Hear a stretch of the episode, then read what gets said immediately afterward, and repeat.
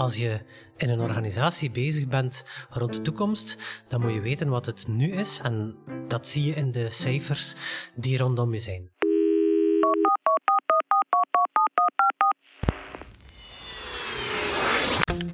Hey, welkom bij Na de Biep. Hey, Een podcast van I Like Media. Wij zijn een collectief van communicatietrainers die jouw organisatie op weg helpt met jouw digitale communicatievraagstukken. Zeg! In dit tweede seizoen nemen we je mee terug naar Binnenkoppers, de inspiratiedag voor social profit organisaties. Laat een bericht achter na de toon. ik ben Brecht. Vandaag als freelance eh, communicatietrainer bij I Media. En vanuit die rol, ook met alles wat dat social is, ook wel heel gedwongen soms om naar cijfers te kijken.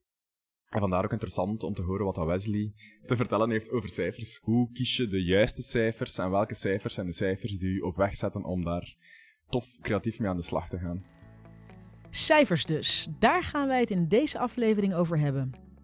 Ik ben Jade, communicatietrainer bij I Like Media en helemaal gepassioneerd van podcast. Deze keer geef ik heel graag de eer aan I Like Media collega Brecht om al zijn vragen rond cijfers te stellen aan Wesley. Maar eerst even dit. Wie ben jij eigenlijk? Ja, ik ben dus Wesley. Ik werk op de dienst toerisme voor de stad Ieper. Daar ben ik stafmedewerker. Dat houdt in dat ik ehm, projecten voorbereid en in de markt zet, producten ontwikkel. Ehm, en toen ik in 2018 daartoe kwam, heb ik eh, cijfers gebruikt om me sneller in te werken in de materie van wat is nu to do in Ieper? Eh, waar zoeken mensen naar? En hoe kan ik eh, het snelst het grootste aantal mensen helpen? Hebben die cijfers effectief al impact gehad op jullie eh, initiatieven en evenementen? Dat je echt Ja. anders gaan organiseren daardoor, door webcijfers? Ja. Zoals? Illustreer. Ja, bijvoorbeeld het feit dat de pagina rond parkeren heel wat uitgebreid is, dat die nu vast in de menustructuur bovenaan staat, omdat dat een algemene zoekterm is. De praktische pagina is helemaal veranderd. Ehm, en dat komt allemaal puur uit die, uit die cijfers. Super interessant. Maar oké, Brecht had dus een vraag over cijfers. Vanaf wanneer dat het echt noodzakelijk wordt om cijfers te gaan bekijken, analyseren en daar creatief op voor te bouwen. En waar dat ook ergens stopt. Dus dat je niet te hard daarin verliest. Maar zo, hoe kies je de juiste cijfers en welke cijfers zijn de cijfers die je op weg zetten om daar tof creatief mee aan de slag te gaan? Wel, wanneer begin je ermee? Direct. Ehm, ik vind dat als je in een organisatie bezig bent rond de toekomst, dan moet je weten wat het nu is. En dat zie je in de cijfers die rondom je zijn. Aantal bezoekers, aantal webbezoekers, mensen op Facebook die je bereikt, op Instagram, luisteraars van de podcast. Ehm, dus begin er onmiddellijk aan. En hoe zorg je ervoor dat je je dan niet verliest in die cijferbrei? Enerzijds van zorg ervoor dat je ook andere dingen te doen hebt dan enkel cijfers. Meestal is onze werkdruk wel groot genoeg om andere taken ook eh, tot ons eh, takenpakket te hebben. Ehm, maar gewoon ook het, verwerken van je cijfers heeft tijd nodig. Ehm, creativiteit heeft tijd nodig. En Creativiteit. Voilà, ik ging daartoe komen. Eh, je, ma- je steelt mijn woordmopje. Sorry, nee, is geen probleem. Great minds think alike. Ehm, maar daar, daar zit het van. Ehm, wat ga je ermee doen? En vandaar dat je, als je nu met het meten van je cijfers begint, dat je op lange termijn wel gaat weten van, ja, dit werkt niet. Daar zie ik geen noodzaak in. Ik geef een concreet voorbeeld. Wij kunnen onze cijfers per uur zien van het aantal bezoekers dat bij ons binnenkomt. En het is zeer logisch dat eh, bepaalde tijdstippen populairder zijn. Bijvoorbeeld de zaterdag voormiddag is marktdag. Rond 11.30 uur is er een grotere toestroom van publiek die bij ons ook binnenkomt, om even- even te kijken van brochures, wat kunnen we nog doen dit weekend.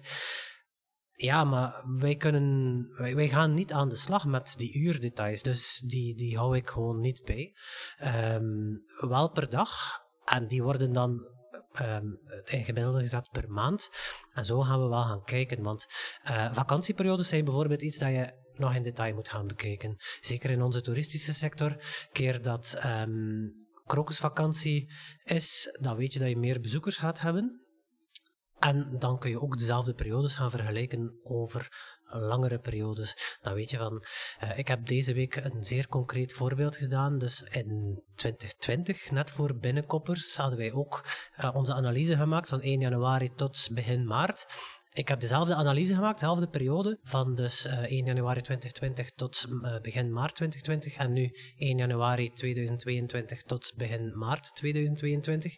En ik zie dat wij op een aantal vlakken maal 2 en andere pagina's maal 3 gegaan zijn naar het aantal uh, webbezoeken door de acties die we de voorbije twee jaar uitgevoerd hebben op die webpagina's.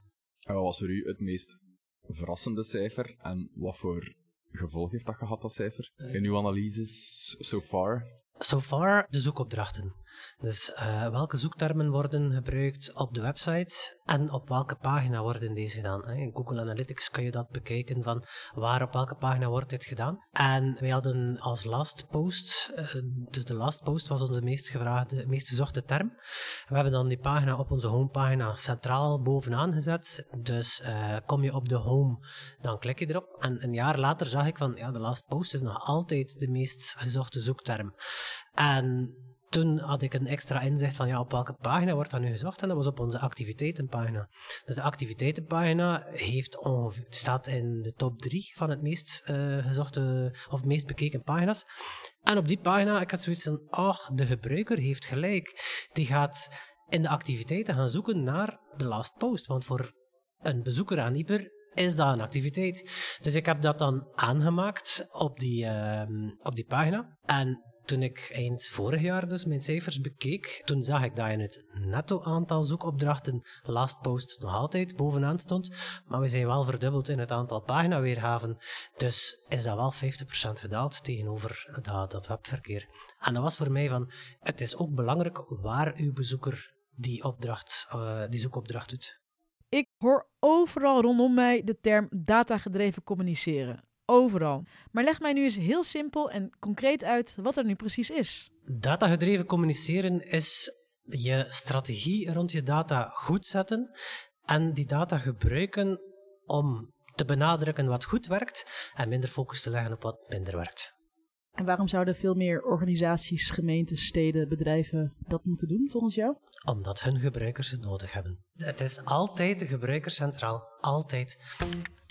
Dat was Wesley Bestraan van Stad Ieper, live vanuit Binnenkoppers. Over twee weken zijn we er weer met een nieuwe vraag en een nieuwe spreker. Maar zit je nu al vast met een digitale communicatievraag? Hou je niet in. Ga snel naar www.ilikemedia.be slash kalender. Ja, ik ben er vrij zeker van dat je daar de opleiding vindt die helemaal bij jou past. Tot snel!